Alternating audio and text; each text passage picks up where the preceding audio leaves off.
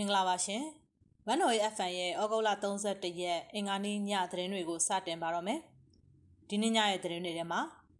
ကိုကန်တက်ကစစ်ကောင်စီတပ်ရဲ့လက်နက်ခဲယမ်းအများအပြားကိုတင်စီရမိတဲ့သတင်း။ Data New Agency သတင်းတောက်ဟောင်းဖမ်းဆီးခံလာရတဲ့သတင်း။ပဲခူးတိုင်းဒေသကြီးညောင်လေးပင်ခရိုင်မုံမြို့နယ်ကတဲအုပ်ဆရာပါဝင်အရက်သား6ဦးကိုစစ်ကောင်စီကဖမ်းဆီးလိုက်တဲ့သတင်း။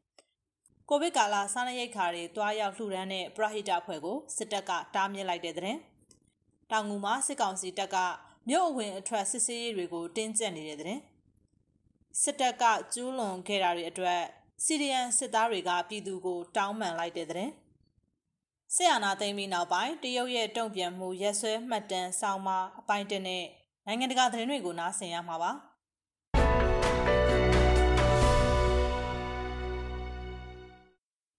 ရှမ်းပြည်နယ်မြောက်ပိုင်းမူဆယ်ခရိုင်တွင်းမှာကိုကန့်တပ်မတော် MMDAA နဲ့စစ်ကောင်စီတို့အကြားတိုက်ပွဲတွေဖြစ်ပွားခဲ့ပြီးတင်းစီရမိတဲ့လက်နက်ခဲယမ်းတွေနဲ့စစ်ကောင်စီတပ်ရဲ့အလောင်းတွေကိုဒီနေ့မနက်မှာထုတ်ပြန်လိုက်ပါတယ်။စစ်ကောင်စီတပ်တွေဟာသူတို့ထိနာနေတဲ့မုံကိုဒေသဘက်ကိုအင်အားဖြစ်တွင်းဖို့တက်လာရာပန်ဆိုင်မြို့နဲ့နန်ဟူးရွာကြားမှာ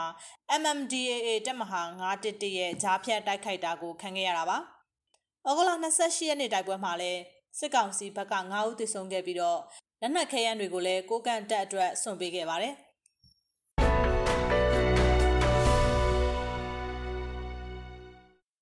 ARD တိုင်းဒေသကြီးအခြေစိုက်သတင်းဌာနတစ်ခုဖြစ်တဲ့ Data New Agency ရဲ့ဖြာပုံမြို့နယ်သတင်းတောက်ဟောင်းတဦးကိုစစ်ကောင်စီတပ်ကဩဂုတ်လ30ရက်နေ့မှာဖမ်းဆီးသွားခဲ့ပါတယ်။အသက်30ဝန်းကျင်ရှိတဲ့ကိုမျိုးဆန်ဆိုးကိုဖြာပုံမြို့နယ်ရဲတပ်ဖွဲ့ကစစ်ဆေးမေးမြန်းစရာရှိလို့ဆိုပြီးခေါ်ဆောင်သွားခဲ့တာဖြစ်ပါတယ်။ကိုမျိုးဆန်ဆိုးဟာ 2019ခုနှစ်ကစတင်ပြီး Data New Agency ရဲ့ဖျာပုံမြို့အခြေစိုက်သတင်းတောက်ဖြစ်ဆောင်ရွက်ခဲ့သူဖြစ်ခါ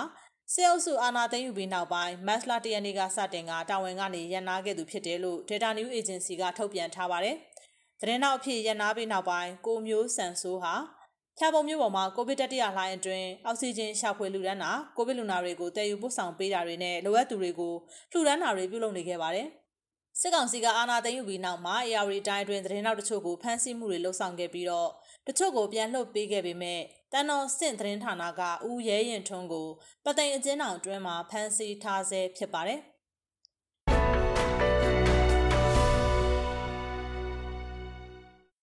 ပဲခူးတိုင်းဒေသကြီးညောင်လေးပင်ခရိုင်မုံမြို့နယ်မှာရှိတဲ့ရေလဲကျေးရွာကဒေသခံ6ဦးကိုအာနာသိန်းစစ်ကောင်စီတပ်ဖွဲ့ဝင်တွေက ဩဂုတ်လ31ရက်ဒီနေ့မနက်ပိုင်းမှာဖမ်းဆီးခေါ်ဆောင်သွားတယ်လို့ကရင်မျိုးသားအစည်းအရုံးကထုတ်ပြန်ပါတယ်။တင်းအုပ်ဆရာဆရာမိုးဆက်အပါအဝင်စောကပ်ဘရူစေစောထဲလွင်ကိုမင်းမင်းဦးမြင့်ရွှေနဲ့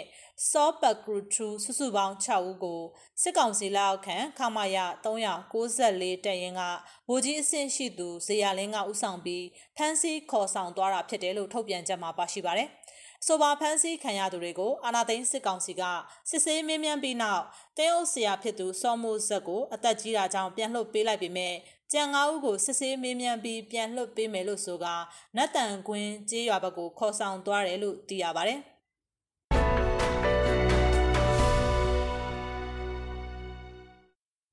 ရခိုင်ပြည်နယ်အမ်းမြို့နယ်မှာရှိတဲ့ကိုဗစ်ကာလခက်ခဲနေသူတွေကိုအစားအသောက်ထောက်ပံ့ဖို့တွားရောက်တဲ့ပရဟိတအဖွဲ့ကို စစ်ကောင်စီကတားမြစ်တာတွေလုပ်ခဲ့တယ်လို့အဖွဲ့ခေါင်းဆောင်ရဲ့ပြောကြားချက်အရသိရပါတယ်။အခိုင်ပြည်နယ်အမ်းမြို့နယ်မှာရှိတဲ့ဒလက်ချောင်းကျေးရွာအုပ်စုမှာကိုဗစ်ကာလစားတောက်ရေးအခက်အခဲဖြစ်နေသူတွေအတွက်အစားအသောက်တွေလှူဒန်းပေးနေတဲ့မြစ်တာရှင်ပရဟိတဖွဲ့ကိုအမ်းမြို့နယ်စစ်စီးဂိတ်တရင်303ကဩဂုတ်လ29ရက်နေ့ကတားမြစ်ခဲ့တာဖြစ်တယ်လို့အဖွဲ့ဥက္ကဋ္ဌဦးစိုးဝင်းကမြစည်းမကိုပြောပါတယ်။အမ်းမြို့နယ်အုပ်ချုပ်ရေးမှူးထောက်ခံစာနဲ့ နယ်လုံဝင်ကြီးထောက်ခံစာတွေကိုပြသနိုင်မှာတွားရောက်ခွင့်ပြုမယ်ဆိုပြီးဘုံမှုအဆင့်ရှိသူတို့ကပြောတယ်လို့သိရပါတယ်။သူတို့တက်ကပြောတဲ့အတိုင်းမြို့နယ်အုပ်ချုပ်ရေးမှူးစီကိုကျွန်တော်တို့စတင်တော့လဲခွင့်ပြုမိတ်မရခဲ့ပါဘူး။အဲ့ဒီမြို့ပေါ်မှာတရက်နှစ်ရက်ကျွန်တော်တို့နေပြီးခွင့်ပြုမိတ်ကိုစောင့်ခဲ့တယ်။ဒါပေမဲ့အကြောင်းပြန်လာတာမရှိဘူးလို့ဦးစိုးဝင်းကပြောပါတယ်။အဲဒါကြောင့်ရိတ်ခါထောက်ပံ့ရေးပစ္စည်းတွေကိုအမ်းမျိုးပေါ်မှာရှိတဲ့ဈေးဆိုင်တွေထံအရှုံးခံရောင်းချခဲ့ရပြီးထောက်ပံ့ရေးအစီအစဉ်ကိုလည်းဖျက်သိမ်းလိုက်ရကြောင်းသူကပြောပါတယ်။ အမ်းမျိုးဒေသခံတွေနဲ့ဖွဲ့စည်းထားတဲ့မြစ်တာရှင်ပရိုက်တာအဖွဲ့အနေနဲ့ဩဂုတ်လအစောပိုင်းတုန်းကလည်းတစ်ကြိမ်ဒလက်ချောင်းကျေးရွာအုပ်စုမှာအိမ်အောင်စု200အတွက်စံစီဟင်းညုံမှုန့်ငပိစားစတဲ့စားနပ်ရိက္ခာတွေကိုတွားရောက်ထောက်ပံ့ခဲ့ပြီးဒုတိယအကြိမ်အခုလိုတွားရောက်ထောက်ပံ့ရမှာတားမြစ်ခံခဲ့ရတာဖြစ်ပါတယ်။ COVID-19 ကပ်ရောဂါကြောင့်စာဝင်နေရေးကြက်တဲနေချိန်မှာလူမှုကူညီရေးပရဟိတအဖွဲ့တွေကိုလွတ်လပ်စွာတွာလာခွင့်မပြုဘဲတားမြစ်တာဟာလက်ခံနိုင်စရာလုပ်ရမဟုတ်ဘူးလို့ဦးစိုးဝင်းကပြောပါတယ်။ လူမှုကူညီရေးလုပ်နေတဲ့လူမှုအဖွဲ့အစည်းပစ္စည်းတွေကိုတွာလာခွင့်ကန့်သက်တာနေလုံဝင်ကြီးခွင့်ပြုချက်တောင်းခိုင်းတာရဲ့မာယာကခွင့်ပြုချက်တောင်းခိုင်းတာရဲ့ဒီလိုတော့မဖြစ်သင့်ပါဘူးကျွန်တော်တို့တွေကိုစီစစ်လို့ရပါတယ်စီးရင်စရာတွေကိုလည်းယူလို့ရတယ်လို့သူကပြောပါတယ်။အမြို့နယ်အုပ်ချုပ်ရေးမှူးဦးထေအောင်ကိုမြစီမာကတယ်လီဖုန်းနဲ့ဆက်သွယ်မေးမြန်းခဲ့ပေမဲ့ဖုန်းဆက်သွယ်မရရှိခဲ့ပါဘူး။ အမြို့နယ်ဒလက်ချောင်းကျေးရွာအုပ်စုမှာကျေးရွာပေါင်း40ကျော်ရှိပြီးရခိုင်လူမျိုးနှင်းငယ်နဲ့ချင်းတိုင်းရင်းသားလူမျိုးအများဆုံးနေထိုင်ကတောင်ရလုပ်ငန်းတွေနဲ့အသက်မွေးဝမ်းကြောင်းပြုကြပါတယ်။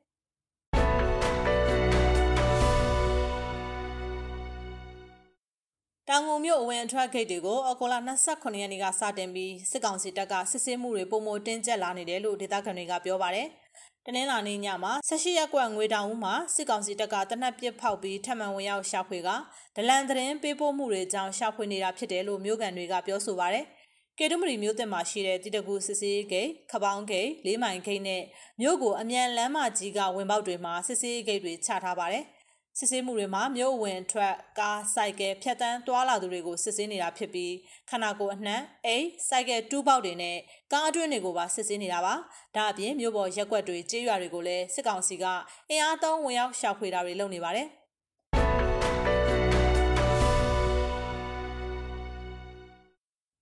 စစ်တပ်ကိုဆွန့်ခွာပြီးပြည်သူ့ဘက်ကိုရက်တီခဲ့တဲ့တပ်မတော်သားတွေကစစ်တပ်ရဲ့ပြည်သူလူထုအပေါ်ကျူးလွန်တပ်ဖြတ်မှုတွေအတွက် ပြည်သူစစ်သားများအဖွဲ့ကတောင်းပန်လိုက်ပါတယ်ကျွန်တော်တို့သည်အဖွဲ့အစည်းရဲ့ကောင်းမွေစိုးမွေအားလုံးကိုတာဝန်သိစိတ်ဖြင့်တာဝန်ယူရမည်ဟုနားလည်လက်ခံထားပါသည်မိမိကိုယ်တိုင်မကျူးလွန်တော့လဲအဖွဲ့ဝင်များရဲ့ကျူးလွန်မှုတွေသည်အဖွဲ့ဝင်တိုင်းနှင့်တွယ်ဝိုက်သက်ဆိုင်ပါသည်တမတော်သားကောင်းဖြစ်လို့သူများသည်ပြည်သူကိုအနိုင်ကျင့်ကြမည်မဟုတ်ပါအနိုင်ကျင့်သူများသည်တမတော်သားများမဟုတ်ကြောင်းသိသေးလိုပါသည်လို့ပြည်သူစစ်သားများအဖွဲ့ကထုတ်ပြန်ချက်မှာရေးသားထားပါတယ် ပြည်သူစစ်သားများအဖွဲ့ဟာအာဏာသိမ်းစစ်ကောင်စီတပ်ကိုစွန့်ခွာပြီးပြည်သူနဲ့အတူပူးပေါင်းလာတဲ့တပ်မတော်သားတွေနဲ့ဖွဲ့စည်းထားတဲ့အဖွဲ့အစည်းတစ်ခုဖြစ်ပါတယ်။စစ်တပ်အာဏာသိမ်းခဲ့တာမနှက်ဖန်ဆိုရင်9လပြည့်ပြီဖြစ်ပါတယ်။အာဏာသိမ်းမှုကိုစန့်ကျင်တဲ့လူထုကဆန္ဒပြတာရရလက်နက်တွေနဲ့ခုခံတော်လှန်တာတွေကိုပြုလုပ်နေကြဆဲဖြစ်ပါတယ်။နိုင်ငံရေးကျင်းသားများကူညီစောင့်ရှောက်ရေးအသင်း AAPP ရဲ့ထုတ်ပြန်ချက်အရ နွေဦးတော်လှန်ရေးကာလအတွင်းကြာဆုံးခဲ့ရသူစုစုပေါင်းဟာမနေ့ကအထိ1038ဦးရှိခဲ့ပြီဖြစ်ပါတယ်ရှင်။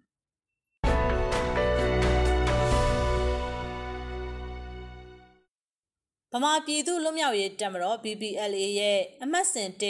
ခြေခံစစ်ပညာသင်တန်းဟာဒီနေ့ဩဂုတ်လ31ရက်နေ့မှာပြီးမြောက်ခဲ့ပြီဖြစ်ပြီးတော့အမတ်စဉ်နှစ်အတွက်တင်နန်းသူတင်နန်းသားတွေကိုဆက်လက်ခေါ်ယူနေတယ်လို့သိရပါတယ် တော်လှန်ရေးစစ်တပ်ထဲကိုဝင်ဖို့အတွက်ကျမရေးကောင်းမွန်ရမယ်ပင်မဆင်းရဲဒဏ်ကိုခံနိုင်ရမယ်မိသားစုဆွေမျိုးချစ်ခင်ရသူတွေနဲ့အဆက်အသွယ်ဖြတ်နိုင်ရမယ်အသက်18နှစ်ကနေ35နှစ်အတွင်းဖြစ်ရမယ်အာနာရှင်ပြုတ်ကြသည့်အထိအာနာရှင်ပြုတ်ကြသည့်အထိစစ်မှုထမ်းနိုင်ရမယ်စတဲ့လိုအပ်ချက်တွေနဲ့ပြည့်စုံရမှာဖြစ်ပါတယ်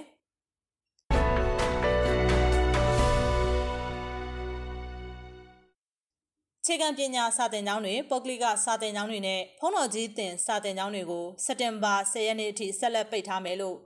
အာနာသိန်းစစ်ကောင်စီပြန်ကြားရေးကဩဂုတ်လ30ရက်နေ့ည7:00နာရီမှာသတင်းထုတ်ပြန်ပါတယ်။လက်ရှိအခြေအနေအရ COVID-19 ကပ်ရောဂါကူးစက်ပြန့်ပွားမှုကိုဆက်လက်ထိန်းချုပ်နိုင်ဖို့အတွက်အဲ့ဒီလိုတိုးမြင့်သတ်မှတ်လိုက်တာဖြစ်တယ်လို့စစ်ကောင်စီပြန်ကြားရေးကကြေညာပါတယ်။ ဒါအပြင်စက်တင်ဘာ၁ရက်နေ့ကနေစက်တင်ဘာလ10ရက်နေ့အထိအများပြည်သူအလုပ်ပိတ်ရက်ကိုပါထပ်တိုးသတ်မှတ်လိုက်ပြီးအဲ့ဒီအလုပ်ပိတ်ရက်တွေမှာဗဟိုဘဏ်နဲ့ဗဟိုဘဏ်လက်အောက်ခံအစိုးရဘဏ်ပုဂ္ဂလိကဘဏ်တွေကိုပုံမှန်အတိုင်းဖွင့်လှစ်ထားရမယ်လို့ဖော်ပြထားပါတယ်။မြန်မာနိုင်ငံမှာ COVID-19 တတိယလှိုင်းတွင်ဩဂုတ်လ30ရက်နေ့အထိ COVID-19 အတည်ပြုလူနာ3,9883ရှိပြီးတော့ဆေးရုံကဆင်းခွင့်ရသူ3,4,8682ဦးနဲ့ တေဆုံးသူ15289ဦးရှိတယ်လို့စစ်ကောင်စီလက်အောက်ကျန်းမာရေးဝန်ကြီးဌာနကထုတ်ပြန်ထားပါတယ်။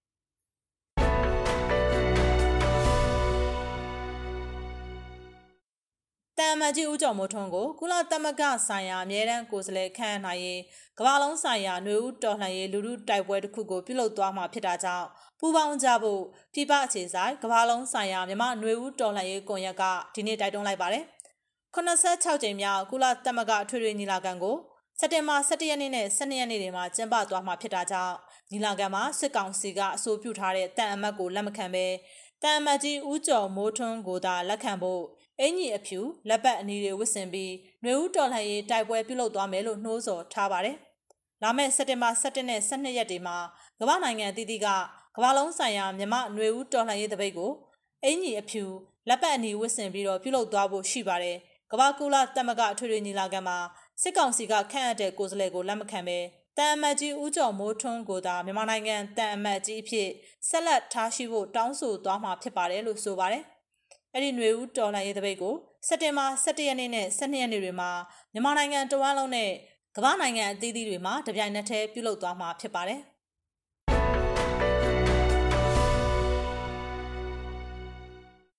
မန္တလေးမြို့ရဲ့ကြောက်မြတ်ရောင်းဝယ်ရေးလုပ်ငန်းရှင်တွေထံကနေငွေကျပ်သိန်းပေါင်း9000ကျော်လိမ်လည်မှုကြီးလွန်ခဲ့တဲ့သတင်းပတ်ကဖြစ်ပွားခဲ့ပါတယ်။ကြောက်ဝိုင်းအတွင်းနာမည်ကြီးဒူဝွန်ကြောက်မြတ်ရတနာရောင်းဝယ်ရေးလုပ်ငန်းရဲ့တားဖြစ်သူကလိမ်လည်သွားတာဖြစ်တယ်လို့သတင်းရင်းမြစ်တွေကမျက်စိမှကိုပြောပါတယ်။ချမ်းမြစ်တာဇန်မြို့နယ်မှာငှားရမ်းဖွင့်လှစ်ထားတဲ့ဒူဝွန်ကြောက်မြတ်ရောင်းဝယ်ရေးဆိုင်ကမ်းမှာလိမ်လည်မှုကျူးလွန်ခဲ့တာဖြစ်တယ်လို့သိရပါတယ်။ဆိုင်ကမ်းပိုင်ရှင်က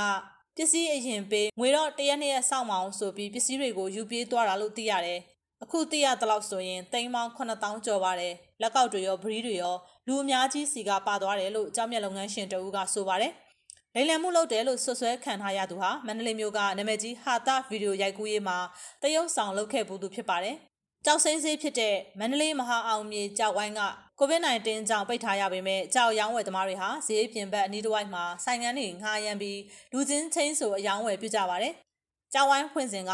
နေ့စဉ်မနက်တိုင်းရောင်းသူဝယ်သူ4000ဝန်းကျင်လောက်လာရောက်ပြီးတော့ငွေကျပ်ထောင်ကနန်းကနေတိန်ကနန်းအထိအယောင်းဝယ်ဖြစ်လိမ့်ရှိပါတယ်။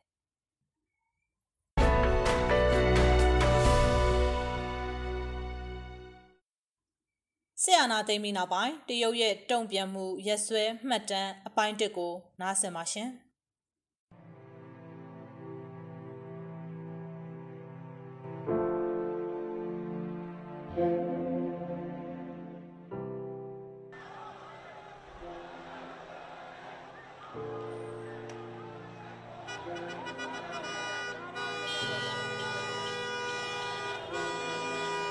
ဖြတ်တော်မှုတွေ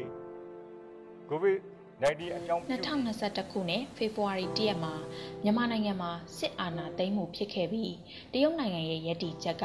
အငင်းပွားဖွယ်ရာအဖြစ်ဆက်ရှိနေပါတယ်။အထူးသဖြင့်ကုလသမဂ္ဂလုံခြုံရေးကောင်စီမှာမြမအရေးဆွေးနွေးကြရမှာတရုတ်နိုင်ငံဟာအာဏာသိမ်းစစ်ကောင်စီဘက်ကနေအကြိမ်ကြိမ်ရက်တီခဲ့တာကြောင့်ပြည်တွင်းမှာလည်းတရုတ်ဆန့်ကျင်ရေးလှုပ်ရှားမှုတွေနဲ့ဆန္ဒပြပွဲတွေဖြစ်ပေါ်ခဲ့ပါတယ်။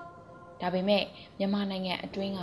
နိုင်ငံရေးအပြောင်းအလဲတွေဟာပြည်တွင်းရေးသာဖြစ်ပြီးပြင်ပဖိအားနဲ့ဝင်ရောက်ဆွတ်ဖက်ခြင်းမပြုလုပ်ကြဖို့တရုတ်နိုင်ငံကအကြိမ်ကြိမ်ပြောဆိုခဲ့ပါတယ်။1988ခုနှစ်စစ်အာဏာသိမ်းမှုနောက်ပိုင်းတရုတ်နိုင်ငံရဲ့ရည်တည်ချက်တွေဟာတရုတ်မြန်မာဆက်ဆံရေးပေါ်ပုံဖော်ခဲ့တဲ့နီးတူမြန်မာနိုင်ငံရဲ့နိုင်ငံရေးစီးပွားရေးတန်တမာရေးဖြစ်စဉ်တွေမှာလည်းတရုတ်ရဲ့လွှမ်းမိုးမှုတွေရှိခဲ့ပါတယ်။အ နော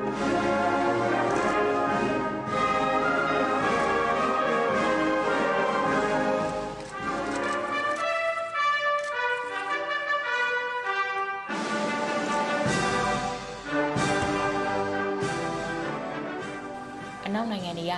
မြန်မာနိုင်ငံအပေါ်စီးပွားရေးအရာအရေးယူပိတ်ဆို့ခြင်းတွေပြုလုပ်ခဲ့ပေမဲ့လည်း ကုလသမဂ္ဂဆင်မြင့်အပါအဝင် နိုင်ငံတကာမျက်နှာစာမှာ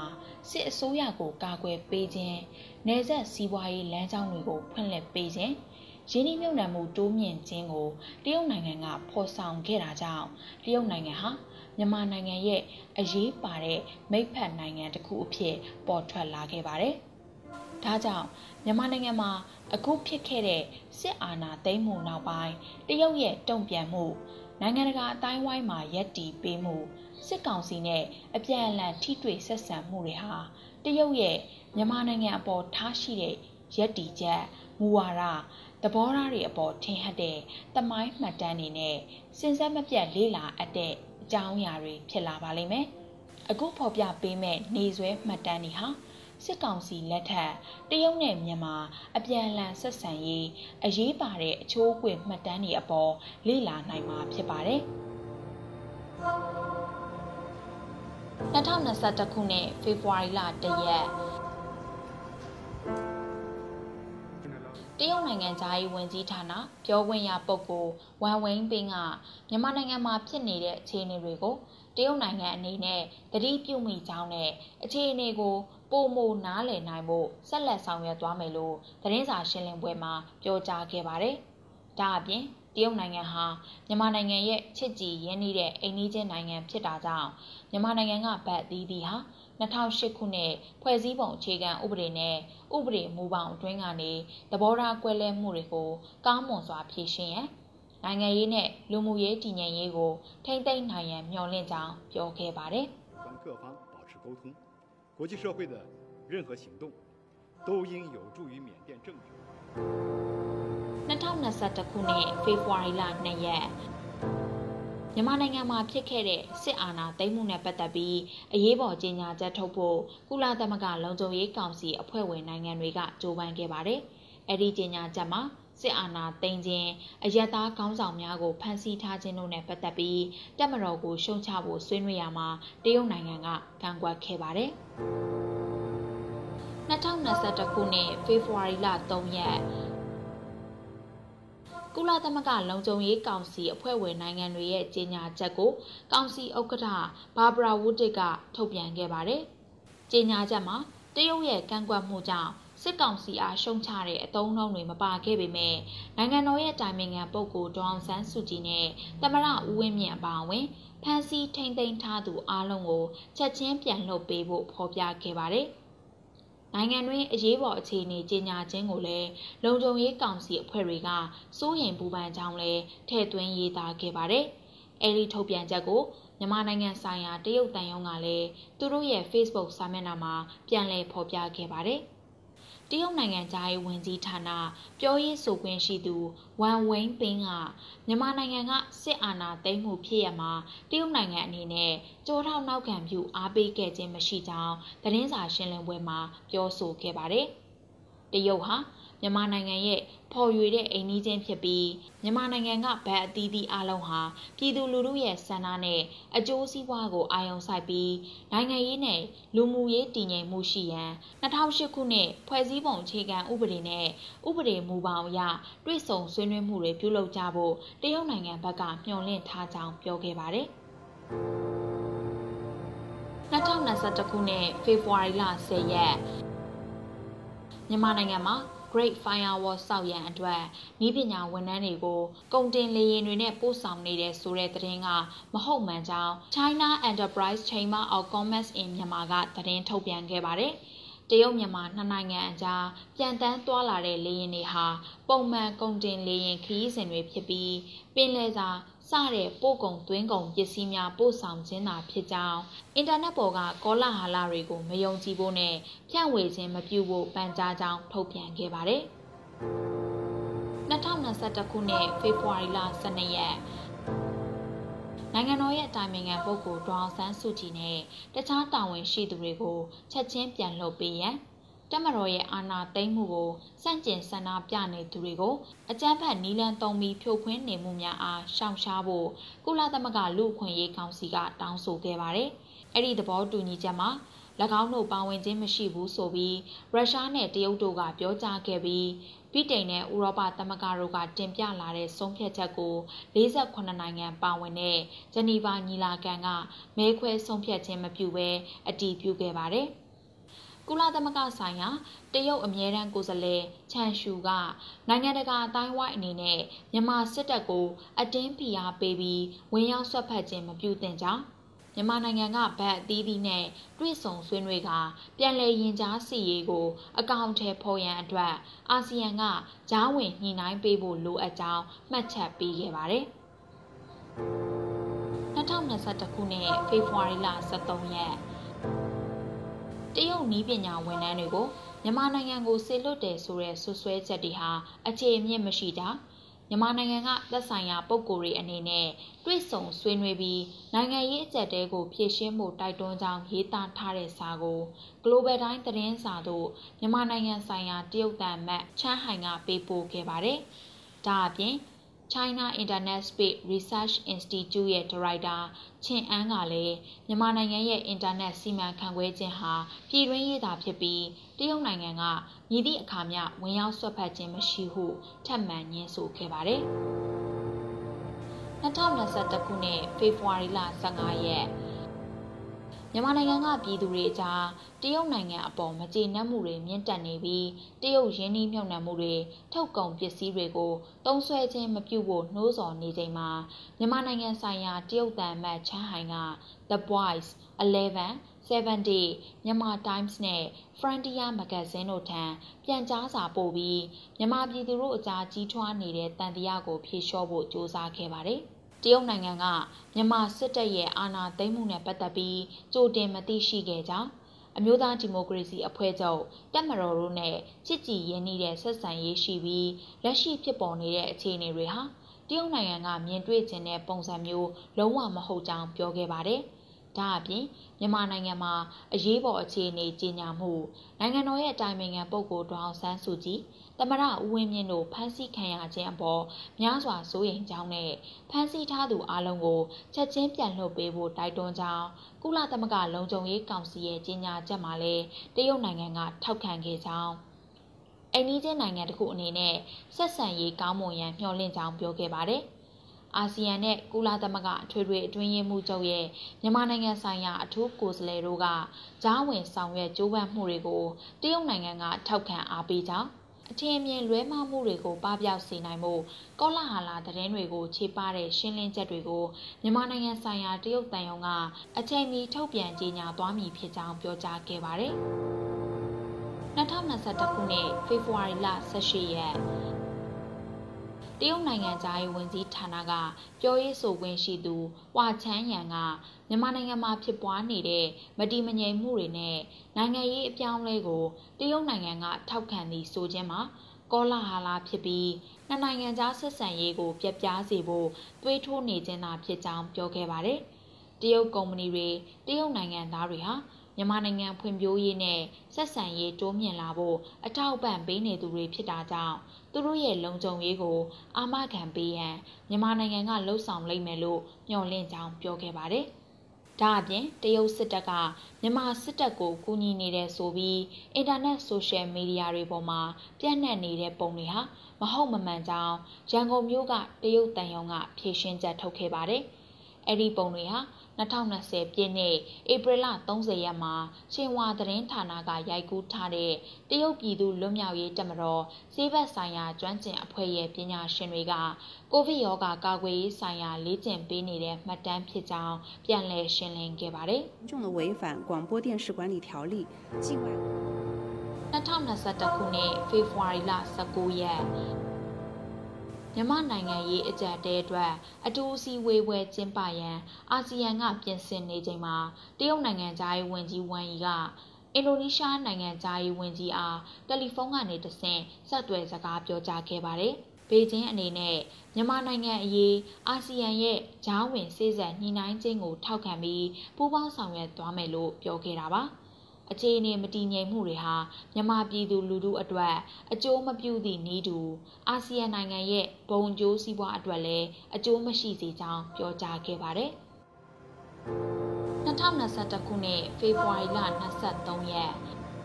မြန်မာနိုင်ငံမှာတရုတ်ဆန့်ကျင်ရေးအမြင့်များမြင့်တက်နေပြီးတရုတ်စီမံကိန်းများအထူးသဖြင့်ရေနံနဲ့သဘာဝဓာတ်ငွေပိုက်လိုင်းစီမံကိန်းများကိုဖောက်ခွဲမှုများပြုလုပ်မယ်လို့ဆိုရှယ်မီဒီယာမှာရေးသားနေချိန်မှာအရေးပေါ်အစည်းအဝေးတရက်ကျင်းပဖို့တရုတ်ဘက်ကတောင်းဆိုခဲ့ကြပါတယ်။အဲ့ဒီအစည်းအဝေးကိုတရုတ်ဘက်ကတရုတ်နိုင်ငံသားရေးဝန်ကြီးဌာနလုံခြုံရေးရာဌာနဦးဆောင်ညွှန်ကြားရေးမှူးဘိုင်ထိုင်းယန်မြန်မာနိုင်ငံဆိုင်ရာတရုတ်တန်မတ်ချန်းဟိုင် မန္တလေးကတရုတ်ကောင်စစ်ဝင်ရုံကအထွေထွေတန်မူချမ်းချမ်းတို့တက်ရောက်ခဲ့ကြပါတယ်။စီဝေးရဲ့ခေါင်းစဉ်ကတော့မြန်မာတရုတ်ပူးပေါင်းဆောင်ရွက်မှုစီမံကိန်းတွေရဲ့အန္တရာယ်ကင်းရှင်းရေးနဲ့လုံခြုံရေးဆိုင်ရာပူးတွဲအစည်းအဝေးလို့ပေါက်ကြားလာတဲ့မှတ်တမ်းတွေအရသိရပါတယ်။ တရုတ်နိုင်ငံသားရေးဝန်ကြီးဌာနညွှန်ကြားရေးမှူးချုပ်ကမြန်မာတရုတ်ပူးပေါင်းဆောင်ရွက်မှုစီမံကိန်းတွေလုံခြုံရေးအထူးသဖြင့်မြန်မာတရုတ်ရေနံနဲ့တဘာဝတံငွေပိုက်လိုင်းလုံခြုံရေးအတွက်ညှိနှိုင်းလိုတာကြောင့်အစည်းအဝေးကျင်းပရခြင်းဖြစ်ကြောင်းပြောပါရယ်တဒါအပြင်ပိုက်လိုင်းကတရုတ်မြန်မာစီးပွားရေးဇင်းကြံစီမံကိန်းအတွက်အရေးပါတဲ့စီမံကိန်းဖြစ်တဲ့နှစ်နိုင်ငံစလုံးရဲ့အကျိုးစီးပွားနဲ့သက်ဆိုင်တဲ့စီမံကိန်းဖြစ်တဲ့ ပိုင်လိုင်းနဲ့ပတ်သက်တဲ့ဝေဖန်မှုတွေမြင့်တက်လာတဲ့ကဲ့သို့ဖြက်စီးရန်လှုံ့ဆော်မှုဆန္ဒပြမှုတွေကြုံတွေ့နေရတာကြောင့်ပိုင်လိုင်းလုံခြုံရေးနဲ့ဝန်ထမ်းတွေရဲ့လုံခြုံရေးအတွက်ရဲတပ်ဖွဲ့ကလုံခြုံရေးတိုးမြှင့်ပေးဖို့တောင်းဆိုခဲ့ပါတယ်။ရေနံနဲ့တဘာဝတံငွေလုံခြုံရေးနဲ့ပတ်သက်ပြီးသတင်းအချက်အလက်တွေဝေမျှဖို့အတွက်လည်းပြောကြားခဲ့ပါတယ်။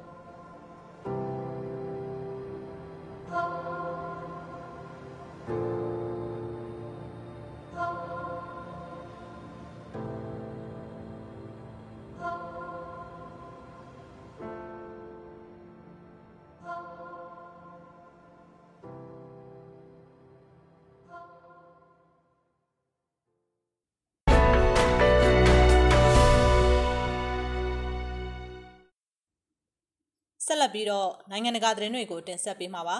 ။နောက်ဆုံးစစ်လေရင်ကဘူးကထွက်ခွာကအနှစ်20ကြာအာဖဂန်အမေရိကန်စစ်ပွဲကိုအဆုံးသတ်လိုက်ပါတယ်။နားဆင်ပါရှင်။အမေရိကန်ရဲ့နောက်ဆုံးစစ်လေရင်ဩဂတ်30ရက်နေ့မှာအာဖဂန်ကထွက်ခွာပြီးတဲ့နောက်အမေရိကန်နဲ့အာဖဂန်ရဲ့နှစ်20ကြာစစ်ပွဲကအဆုံးသတ်သွားပါတော့တယ်။အာဖဂန်နစ္စတန်နိုင်ငံကနေတပ်တွေအပိသက်ရုပ်သိမ်းတဲ့အနေနဲ့ ကဘူးလေဆိပ်ကနေအမေရိကန်ရဲ့နောက်ဆုံးစစ်လေရင်ပြန်ထွက်ခွာသွားချိန်မှာတော့တာလီဘန်တွေရဲ့အောင်ပွဲခံတနက်ပစ်တန်တွေစီညံသွားခဲ့ပါတယ်။ပရိပခတိုက်ပွဲတွေနဲ့ဒဏ်ပိနေတဲ့အာဖဂန်နိုင်ငံကိုပြန်လည်ထူထောင်ဖို့ဒေါ်လာဘီလီယံပေါင်းမြောက်များစွာသုံးခဲ့ပေမဲ့လည်းအမေရိကန်ဟာသဘောထားတင်းမာတဲ့အစ္စလာမစ်တာလီဘန်တွေတကြော့ပြန်အာဏာပြန်သိမ်းလိုက်ချိန်မှာတော့နှစ်20ကြာစစ်ပွဲကိုသူ့ရဲ့တပ်တွေအပီးစီရုပ်သိမ်းတာနဲ့အတူအဆုံးသတ်လိုက်ရပါတယ်။ အာဖဂန်မြေပေါ်ကနေနောက်ဆုံးထွက်ခွာတဲ့အမေရိကန်စစ်သားကတော့အမှတ်82လေကြောင်းချီတက်ခွဲကတက်မမှုဘိုးမူကြီးခရစ်စတိုဖာဒိုနာဟူပါသူ့ရဲ့ဓာတ်ပုံဖြစ်တဲ့ C17 နောက်ဆုံးစစ်လေယာဉ်ပေါ်တက်ရောက်လာတဲ့ဓာတ်ပုံကိုအမေရိကန်ကာကွယ်ရေးဝန်ကြီးဌာနကထုတ်ပြန်ခဲ့ပြီး2021ဩဂတ်30မှာအမေရိကန်ရဲ့ Afghan Mission အဆုံးသတ်နှိကုံချုပ်သွားပါပြီ။အခုလိုအမေရိကန်နောက်ဆုံးစစ်လေယာဉ်ထွက်ခွာသွားပြီးမကြခင်မှာပဲ အင်္ဂါနေ့နနက်အစောပိုင်းမှာတာလီဘန်တွေရဲ့အောင်ပွဲခံတနက်ပစ်တန်တွေစီညံစွာထွက်ပေါ်လာပါတော့တယ်။အမေရိကန်ရဲ့ကာလာရှည်စစ်ပွဲအဆုံးသတ်ဖြစ်သမရဂျိုးဘိုင်ဒန်သတ်မှတ်ထားတဲ့ဩဂတ်31ရက်နောက်ဆုံးသတ်မှတ်ရက်မတိုင်ခင်မှာပဲအမေရိကန်တပ်တွေအပိသက်ရုပ်သိမ်းသွားပါတယ်။နှစ်20ကြာအာဖဂန်စစ်ပွဲမှာအမေရိကန်စစ်သား2400ကျော်ကြာဆုံးခဲ့ရတာပဲဖြစ်ပါတယ်။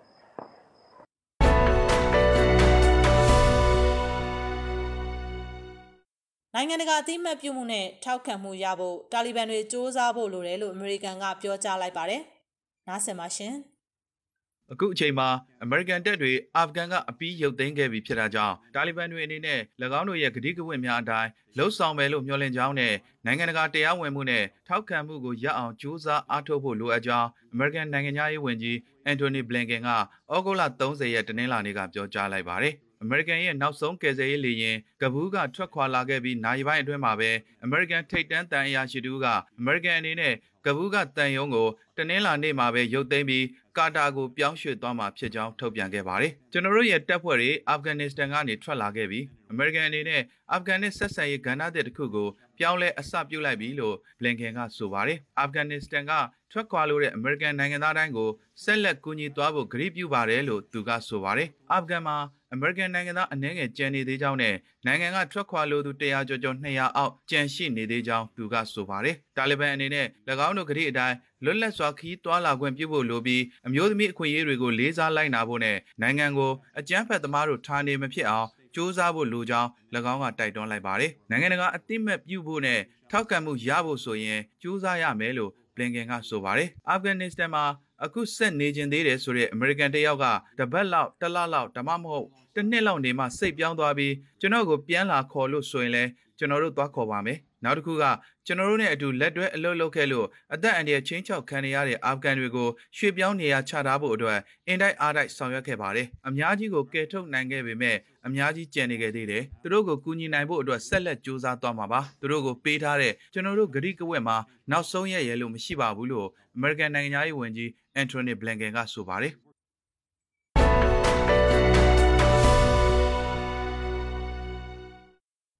1OFN ရဲ့ဒီနေ့ညသတင်းတွေကတော့ဒီလောက်ပါပဲ။နားဆင်ကြကြသူတွေအားလုံးကျမ်းမာကြပါသေးရှင်။